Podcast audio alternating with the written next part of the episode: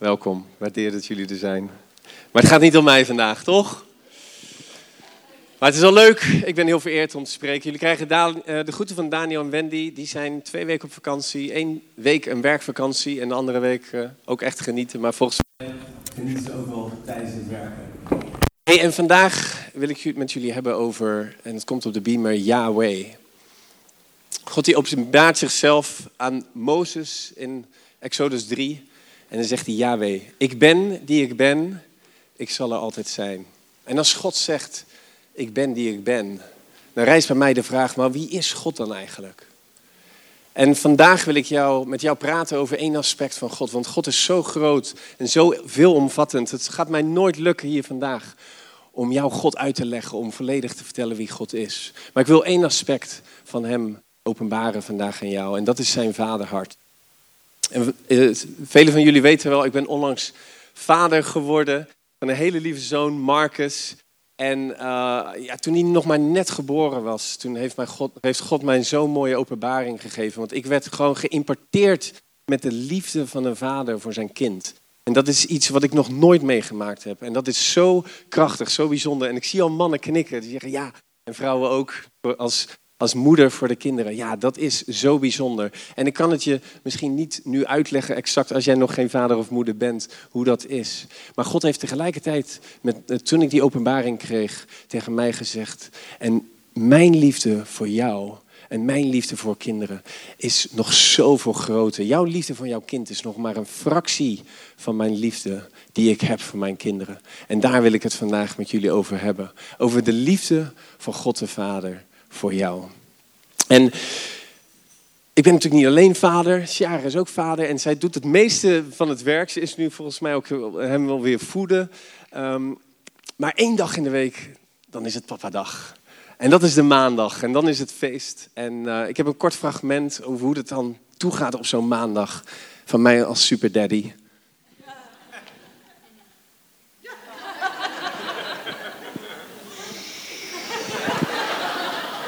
Nou, het is, het is een heel kort fragment. Langer dan dat haalt hij ook nooit als hij bij mij is. Nee, maar uh, zonder dolle, het gaat, uh, het gaat best goed. En uh, we genieten ervan. En die vaderliefde. De reden waarom ik over die vaderliefde wil, wil spreken vandaag is dat het is zo belangrijk dat jij jezelf ziet als kind van de Allerhoogste Vader. En het is zo belangrijk dat jij snapt wat het is dat jij een vader hebt in de hemel. Want de mate waarin jij naar jezelf kijkt, wordt grote, voor een groot deel bepaald hoe jij God de Vader ziet. Als jij een verkeerd beeld hebt van God de Vader, dan kan het zomaar zijn dat jij een verkeerd beeld van jezelf krijgt. En daarom denk ik dat het zo belangrijk is dat we naar God de Vader gaan kijken. En weet je, ik geloof dan ook echt dat de Heilige Geest dat aan jou kan openbaren. Ik kan van alles zeggen hier vandaag. Maar God die moet tot jou spreken. En dat doet hij als jij jezelf openstelt. Als jij je hart openstelt en zegt van ik ga ontvangen vandaag van u. En dat wil ik ook uitspreken. Ik geloof echt dat vandaag mensen voor het eerst God de Vader zullen ontdekken in hun leven. En misschien ken jij God al wel, al wel veel langer, maar heb je nog nooit echt die intense liefde van God als Vader ervaren. Dan geloof ik ook dat dat voor jou is vandaag. En misschien zit er wel niks bij voor jou vandaag. Dan moet je volgende week terugkomen. Want dan spreekt een goede vriend van mij, Klaas-Jan Zegwaard. Hij is bijbelleraar, dus mocht ik af en toe een theologisch bochtje wat scherp nemen, dan kan hij dat allemaal goed, uh, goed maken volgende week. Maar ik wil bidden voor deze dienst. Vader God, dank u wel. Dank u wel dat u hier aanwezig bent, Vader. We prijzen uw naam, we eren uw, grote, uw grootheid. Vader, u bent de Heer van ons leven. U heeft alles gemaakt en alles is in uw hand. Dank u dat u onze vader bent en dat wij uw kinderen mogen zijn. En vader, onze harten staan open, wagenwijd open. En we zijn klaar om te ontvangen wat u tot ons wilt spreken vandaag. Maak uw goedheid bekend. Overspoel ons met uw liefde. Vader, spreek tot ons vandaag, zodat wij veranderd naar huis mogen gaan.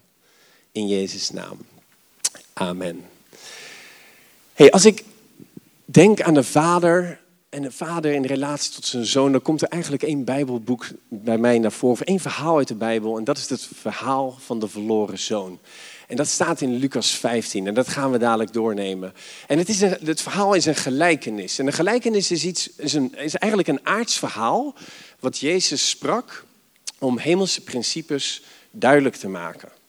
En Jezus sprak heel veel in gelijkenissen. Dat zien we ook op de beamer. In Matthäus 13, vers 34 staat: Al deze dingen zei Jezus in gelijkenissen tot het menigte. Hij sprak uitsluitend in gelijkenissen tot hen.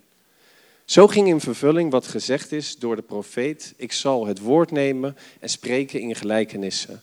Ik zal bekendmaken wat sinds de grondvesting van de wereld verborgen was. En ik vind dat heel, heel mooi en heel bijzonder, want ik geloof dat er zoveel in de Bijbel staat wat nog onontdekt is door jou en mij. En ik geloof ook echt dat God dat aan jou wil openbaren. Net als dat hier staat, dat Jezus het wil openbaren aan ons. En ik heb de afgelopen weken het verhaal van de verloren zoon wel twintig keer gelezen, misschien wel dertig keer. En elke keer viel mij weer iets anders op. Zo wist ik bijvoorbeeld niet dat de vader zijn bezit verdeelde onder beide zonen. Ik dacht altijd, de jongste zoon die vroeg om zijn deel. En de vader zei, hier heb je jouw deel, ga feest vieren. Dat zei hij niet, hij zei, hier is, hier is jouw deel. Maar wat ik, wat ik las, is dat de vader verdeelde zijn bezit onder hen. Dus ook de oudste zoon kreeg een deel van het bezit. Ik dacht altijd dat de zoon het geld kreeg. Maar dat was niet zo. Hij kreeg het bezit van zijn vader. In die tijd misschien een hele, heel, heel stuk van zijn, van zijn vee, van zijn kudde. Of misschien nog van land wat hij had. En er staat dat hij het vervolgens verzilverde en met het geld op reis ging. En zo zijn er continu, continu weer dingen. Elke keer als je het woord weer induikt, dat God tegen jou kan spreken. En ik wil je daar echt mee bemoedigen. Weet je, ik vind het geweldig dat je hier vandaag zit en naar mij luistert. Maar als je thuis bent, duik dat verhaal nog eens in. Want er, zijn, er staat zoveel in dat ene verhaal van de verloren zoon. Ik heb ook ik heb boeken gelezen. Ik heb ik heb een over, prepared, zou je zeggen, voor de eerste, eerste preek die ik mag geven. Maar ja, het punt wat ik wil maken, er is nog zoveel meer uit Gods woord. En dat wil hij tot jou zeggen. Hey, laten we het verhaal induiken, de gelijkenis. In Lucas 15, vers 11 beginnen we. Vervolgens zei hij, dat is Jezus, iemand had twee zonen. De jongste van hem zei tegen zijn vader, vader, geef mij het deel van uw bezit waar ik recht op heb. Interessant, hè? De zoon die weet exact waar hij recht op heeft. Hij zegt, die vader, geef mij het deel van uw bezit waar ik recht op heb. En het is, als je er goed over nadenkt, het is zo ongebruikelijk om als zoon de erfenis van je vader al op te eisen als die nog leeft. Ik bedoel, dat, dat, dat zouden we nu niet doen, dat zouden we nooit niet doen. En zeker in die tijd was dat gigantisch ongebruikelijk. En ik, volgens mij kent niemand hier iemand die al van tevoren zegt van vader, ik eis nu mijn deel op. Maar we zien dat de vader het hem wel geeft. En bij mij rijst ook echt wel direct de vraag van, weet jij waar jij recht op hebt? Besef jij dat jij recht hebt op een hemelse erfenis? We lezen het in 1 Petrus, sorry voor de beam, ik, ik, spring eventjes, maar in 1 Petrus 4 staat, er wacht u die door Gods kracht beschermd wordt omdat u gelooft in de hemel. Een onvergankelijke, altijd durende, eeuwige, ongerepte erfenis die nooit verwelkt. Hoe gaaf is dat? Ik denk dat als wij gaan beseffen dat wat ons te wachten staat in het hiernamaals, het leven met God, de goedheid van God, elke dag, de rest van ons leven, dat wij in, vanuit een hemels perspectief hier naar alle dingen op de aarde gaan kijken. Dat we dingen die, die we vandaag de dag doen en waar we ons druk om maken, wat Joella ook zei, misschien wel zijn het financiën, misschien zijn het andere dingen. Dat je dat nou, niet aan de kant kunt schuiven, maar dat je het altijd in perspectief kunt gaan zien van wat God voor jou in petto heeft. En dat we ook heel anders, vol enthousiasme, gaan, dat gaan delen met mensen om ons heen. Ik hoorde volgens mij uh, bij Boren Vincent, jullie zijn naar de Efteling geweest met de kinderen. En zo gaaf ik, ik uh, zag onlangs een filmpje van um, een gezin dat ging naar de Efteling. En die kinderen, die, dat was een verrassing, die, ging, die kinderen waren echt door het dolle heen. Die gingen helemaal los, omdat ze wisten wat hun te wachten stond in de Efteling. En aan, aan jou de vraag, ben jij zo enthousiast als zo'n kind? Kijk jij zoveel verwachting uit? Wat er, wat er jou te wachten staat hier in het, na, in het hiernamaals? En maakt het je zo enthousiast dat je eigenlijk niks anders wil doen dan mensen vertellen over God. En hun ook vertellen wat jou te wachten staat. Dus die zoon Die besefte, ik heb een erfenis en hij eist het op. We gaan weer terug naar het verhaal. De vader verdeelde zijn vermogen onder hen. Na enkele dagen verdeelde, verzilverde de jongste zoon zijn bezit en reisde af naar een ver land, waar hij een losbandig leven leidde en zijn vermogen verkwiste. En toen hij alles uitgegeven had, werd het land getroffen door een zware hongersnood en begon hij gebrek te lijden. Hij vroeg om werk bij een van de inwoners van het land die hem op zijn veld zijn varkens liet hoeden. Hij had, hem graag, hij had graag zijn maag willen vullen met de peulen die de varkens te eten kregen, maar niemand gaf het hem. Is het niet bijzonder dat de zoon bij zijn vader thuis, in zijn familie, eigenlijk alles heeft, maar toch, toch is er iets in hem waardoor hij verleid wordt, wat hem de wereld intrekt en waarmee hij denkt van ja, ik ga er vandoor. Ik ga feest vieren. En we zien eigenlijk stapje voor stapje dat toen de zoon nog genoeg had, dacht hij niet terug aan het huis van zijn vader. Want hij had genoeg geld. Hij was aan het feesten. Hij had ongetwijfeld genoeg te eten. Maar daar zit hij dan. Uiteindelijk komt hij bij de varkens terecht. De varkens in die tijd, het laagste van het laagste. En zelfs toen had hij bepaalde behoeften die vervuld moesten worden. En we zijn allemaal geschapen met bepaalde elementaire levensbehoeften. Om voeding te krijgen, eten, drinken, om ergens bij te horen. Om geliefd te worden. Weet je, zo heeft God ons geschapen en wij zullen altijd die behoeften vervullen. Ik werk in de marketing en marketeers zijn altijd bezig met wat is de behoefte van de klant. Als wij de klant weten wat hun behoefte is en daar een product voor bedenken, bedenken dan zullen ze het kopen. En zo is het zo. Zo is het ook. Wij zullen ons altijd vullen die behoeften zullen altijd vervuld worden. Alleen bij God de Vader thuis, daar is het feest en daar is het vetgemeste kalf. Daar is eten en vervulling van kwaliteit. Maar hoe verder je van God verwijderd raakt, hoe meer je in de wereld komt, hoe meer dat soort behoeften vervuld worden met mindere kwaliteit. En de zoon hier in het eten, wat we zien, dat hij het eten van de varkens pakt, dat, staat gewoon, dat is kenmerkend voor hoe de vijand al het goede van God wil verdraaien. En ik wil je echt bemoedigen en aansporen. Zorg dat jij je vervulling zo dicht mogelijk bij het huis van de Vader vervult. In zijn huis is het goede. In zijn huis is alles van kwaliteit. En ja, en daar leidt hij dan uiteindelijk gebrek. Hij, hij dwaalt steeds verder af. Maar gelukkig, en dat is het volgende moment, komt hij tot inkeer. We lezen in vers 16, eh, sorry, vers 17. Toen kwam hij tot zichzelf en dacht: De dagloners van mijn vader hebben eten in overvloed en ik, ik kom om van de honger. Ik zal naar mijn vader gaan en tegen hem zeggen: Vader, ik heb gezondigd tegen de hemel en tegen u. En let goed op wat hij nu zegt. Ik ben het niet meer waard om uw zoon genoemd te worden. Behandel mij als een van uw dagloners. Hij vertrok meteen en ging op weg naar zijn vader. En we zien hier dat de zoon, als hij uitgegeten is, als er geen eten meer, als er hongersnood is, als hij geen eten meer heeft en honger gaat lijden, dat hij tot inkeer komt. En de, ink, de, inkeer is eigenlijk een terugkeer naar God. Hij is een terugkeer naar zijn ouderlijk huis. Hij is weggelopen van de vader naar een, naar een ver land. Hij kwam tot inkeer en hij ging weer terug naar het huis van zijn vader. En dat is, ja, dat is zo mooi. En het, het raakt mij altijd als mensen tot inkeer of tot bekering komen. En dat ze gaan beseffen dat God de waarheid voor ze klaar heeft liggen. Dat het leven bij God het ware leven is. En daarom word ik hier zo gepassioneerd van. Maar zie je ook dat, dat de zoon al in, in gedachten is hij zich aan het voorbereiden op hij terugkomt bij zijn vader.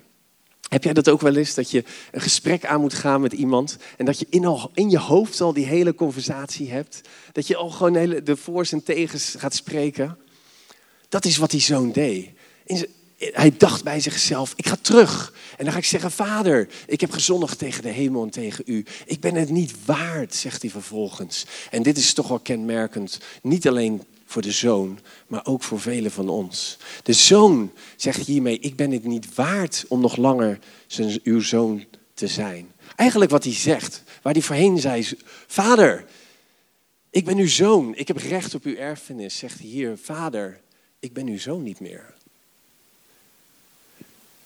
En dat is, dat, is, dat is best wel zwaar als je erover nadenkt. En ik geloof dat velen van ons ditzelfde meemaken, misschien wel dagelijks. Dat jij gezondigd hebt, dat jij de fout ingegaan bent. En dat je zegt, vader, ik ben het niet meer waard. Ik, zie, ik heb het zelf aan de lijf ondervonden. Ik ben, ik ben christelijk opgevoed en weggelopen van Gods huis. Ik ben naar een heel ver land gegaan, naar Engeland.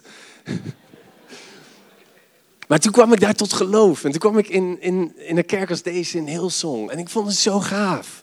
Maar tegelijkertijd, elke zondag dat ik daar kwam, werd ik geconfronteerd met mijn tekortkomingen, met mijn fouten. Met het leven waar ik nog met één voet in stond. En met de andere voet stond ik in de kerk. En ik zei echt, ik heb zo vaak tegen mezelf en tegen vrienden gezegd: Oh, ik ben ziek, ik ben verslaafd, ik heb zoveel problemen. En God, die stond met zijn armen wagenwijd open. Die zei: Henk, wat goed dat je er weer bent. Wat fijn dat je weer thuis komt. Kom bij mij.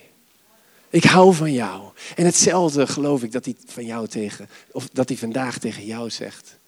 Weet je, jouw identiteit wordt niet bepaald door de dingen waar jij nu doorheen gaat. Jouw identiteit ligt bij God de Vader en bij zijn familie.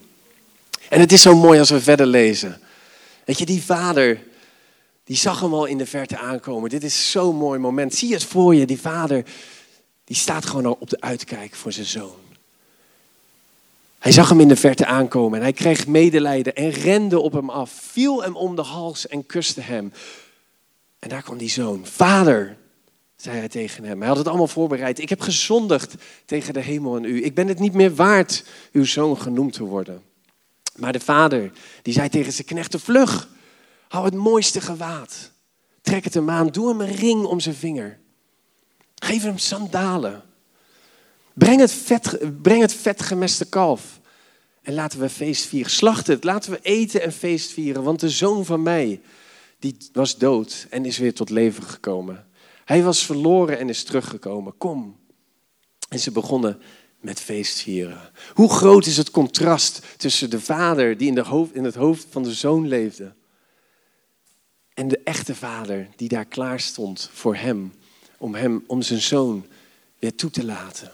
Weet je, als je, als je hier nog eens een bijbelstudie over wilt doen, er staan zoveel, zoveel bijzondere dingen komen hierin terug. Het was zo ongebruikelijk in die tijd voor een Joodse, Joodse vader om te rennen bijvoorbeeld. Maar die vader, die kon het niet laten. En die zei, ik ren op jou af. En met het, hij kreeg het mooiste gewaad, kreeg hij weer om. Waarmee hij in eer hersteld werd. Hij kreeg een ring om zijn, om zijn vinger. Waarmee hij de autoriteit terugkreeg. En de sandalen, die werden alleen gebruikt voor familieleden.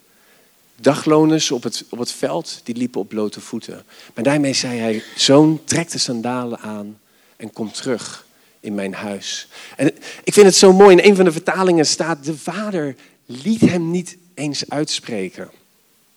En ik geloof ook echt dat God het wil uitspreken over jou. Dat de woorden die in jouw hoofd omgaan, die jij uitspreekt over jouzelf, dat God zegt, ik, ik wil niet dat je uitspreekt. Weet je, God die heeft jou vergeven. En niet alleen heeft hij jou vergeven, maar hij heeft ook jouw zonde vergeten.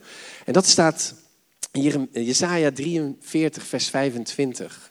Ik, dat is God, ben het omwille van zich, die het omwille van zichzelf je misdaden te niet doet en je zonde vergeet. Dat is onze God.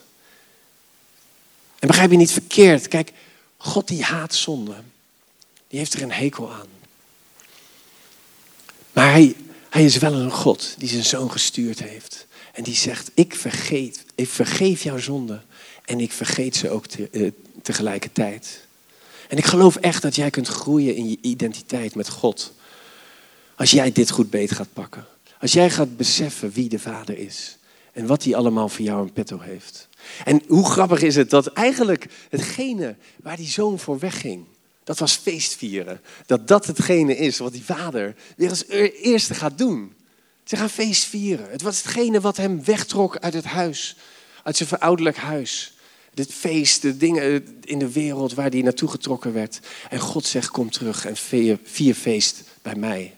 En hetzelfde met het eten. Het was het eten wat hem uiteindelijk, de honger die hij had, wat hem weer tot inkeer bracht. En hij komt terug en zijn vader zegt, vlug, laten we gaan eten. En En niet zomaar wat eten, hè? het vetgemeste kalf. En dat doen we tegenwoordig misschien niet. Nou goed, ik had gisteren nog een barbecueetje. Daar is een stukje kalf misschien opgegaan. Maar het vetgemeste kalf werd alleen gebruikt voor de grootste feesten. Voor de grootste offerfeesten. En de vader zegt, mijn zoon die is terug.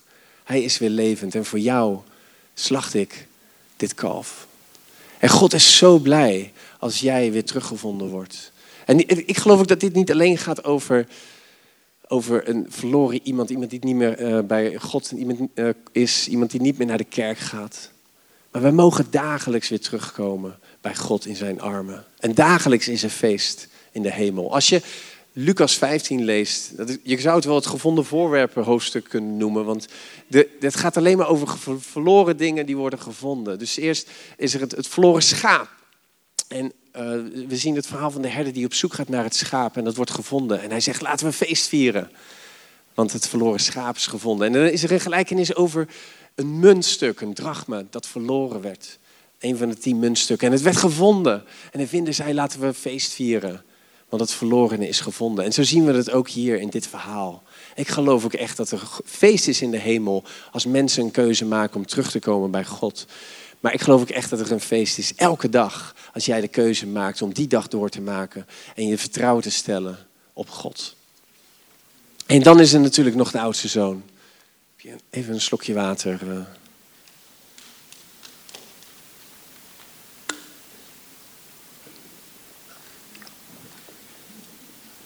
Dankjewel, Nicolette.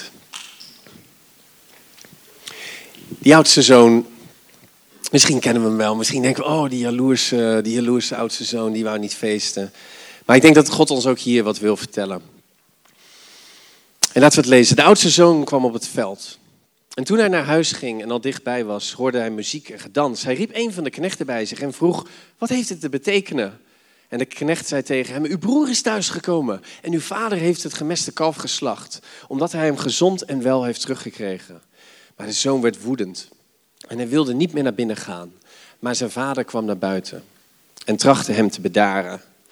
Maar de zoon zei tegen zijn vader, jarenlang, werd ik, heb ik, jarenlang werk ik voor u.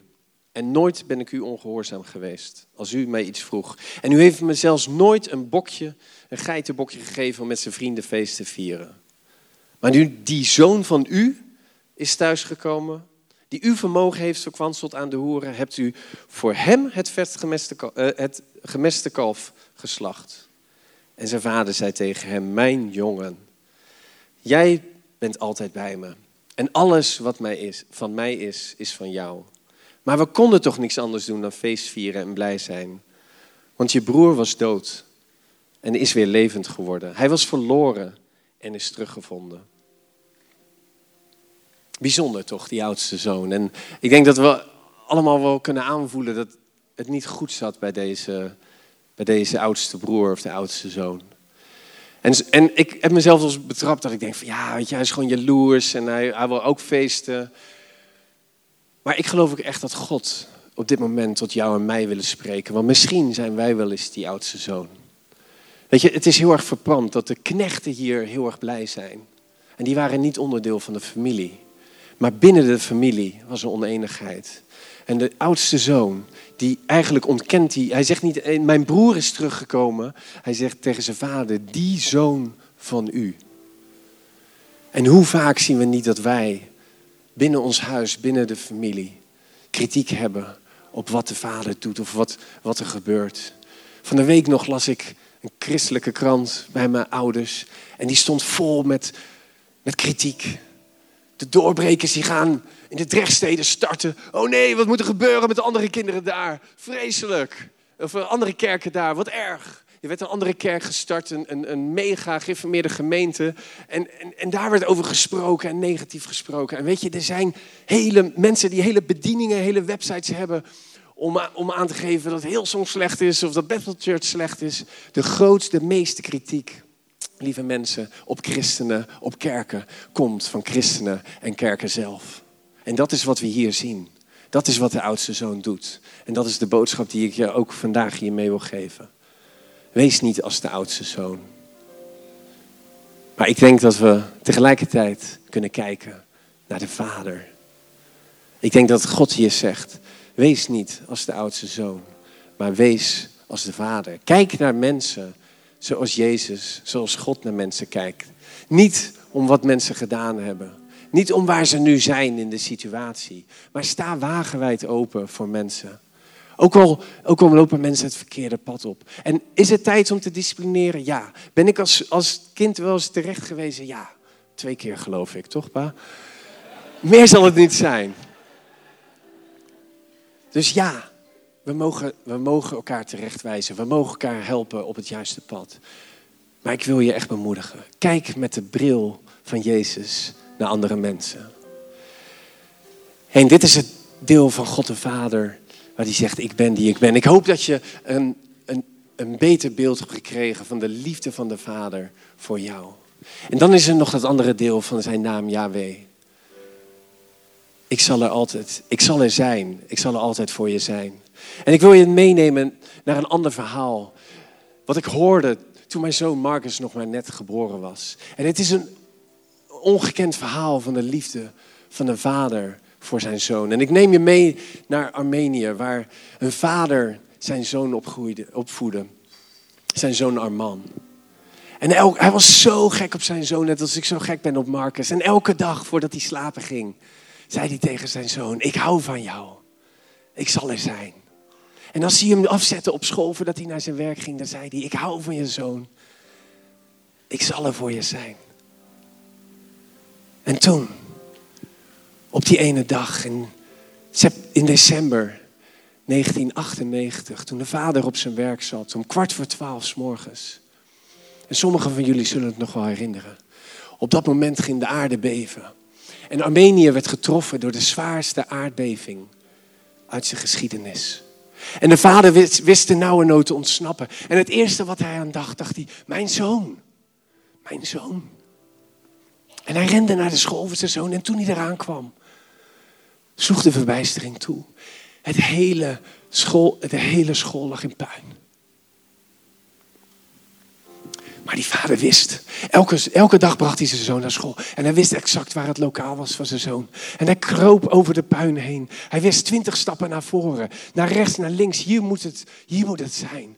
Mijn zoon, Arman. En hij hoorde niks.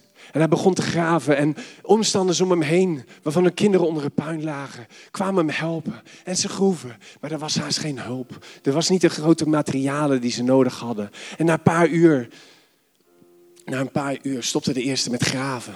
Maar dus deze vader bleef doorgaan, hij wist. Hij had het gezegd, ik zal er altijd voor je zijn. En hij bleef graven, zes uur, acht uur. Mijn zoon, mijn zoon. Houd toch op, zeiden mensen om hem heen. Accepteer nou. Ze zei, hij is dood. Maar hij bleef doorgraven. Twaalf uur, 18 uur, 20 uur, 30 uur. Zijn handen bloeden. 35 uur, 36 uur, 37 uur. Mijn zoon. En op 38 uur schoof hij een van de laatste stukken puin opzij. Mijn zoon, papa. En hij hoorde de stem van zijn zoon. Papa, mijn zoon, papa. Ik wist dat u zou komen. Ik wist dat u zou komen. En de vader hoorde stemmen. En het kindje zei tegen zijn vriendjes: Mijn vader, hij beloofde dat hij zou komen. En ik heb, hij zei: Papa, ik heb verteld tegen mijn vriendjes dat u zou komen. Want u had het beloofd. En ze haalden de laatste ruim stukken puin weg. En op die dag werd de zoon van de vader, Armand, gered. Samen met dertien anderen. En weet je, er is een vader in de hemel die op zoek is naar jou. En misschien zit jouw leven op dit moment wel diep onder het puin. Dit is een vader die zijn zoon gestuurd heeft en zijn naam is Jezus. En hij graaft. En hij graaft voor jou en dat heeft hij altijd gedaan. En hij graaft niet alleen voor jou, maar hij graaft ook voor al die mensen in jouw omgeving die nog in die donkere kamers zitten. En daar wil ik je vandaag mee bemoedigen. Er is een vader die op zoek is naar jou en mij. En ik wil vragen of iedereen zijn ogen wil sluiten.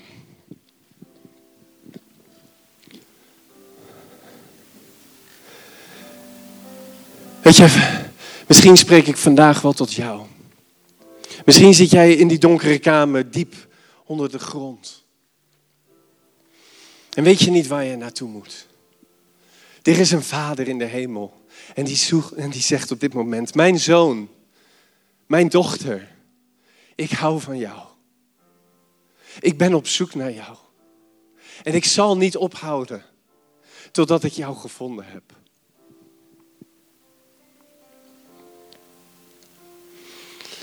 En misschien ben je al, oh, misschien ken jij al God al heel lang in je leven.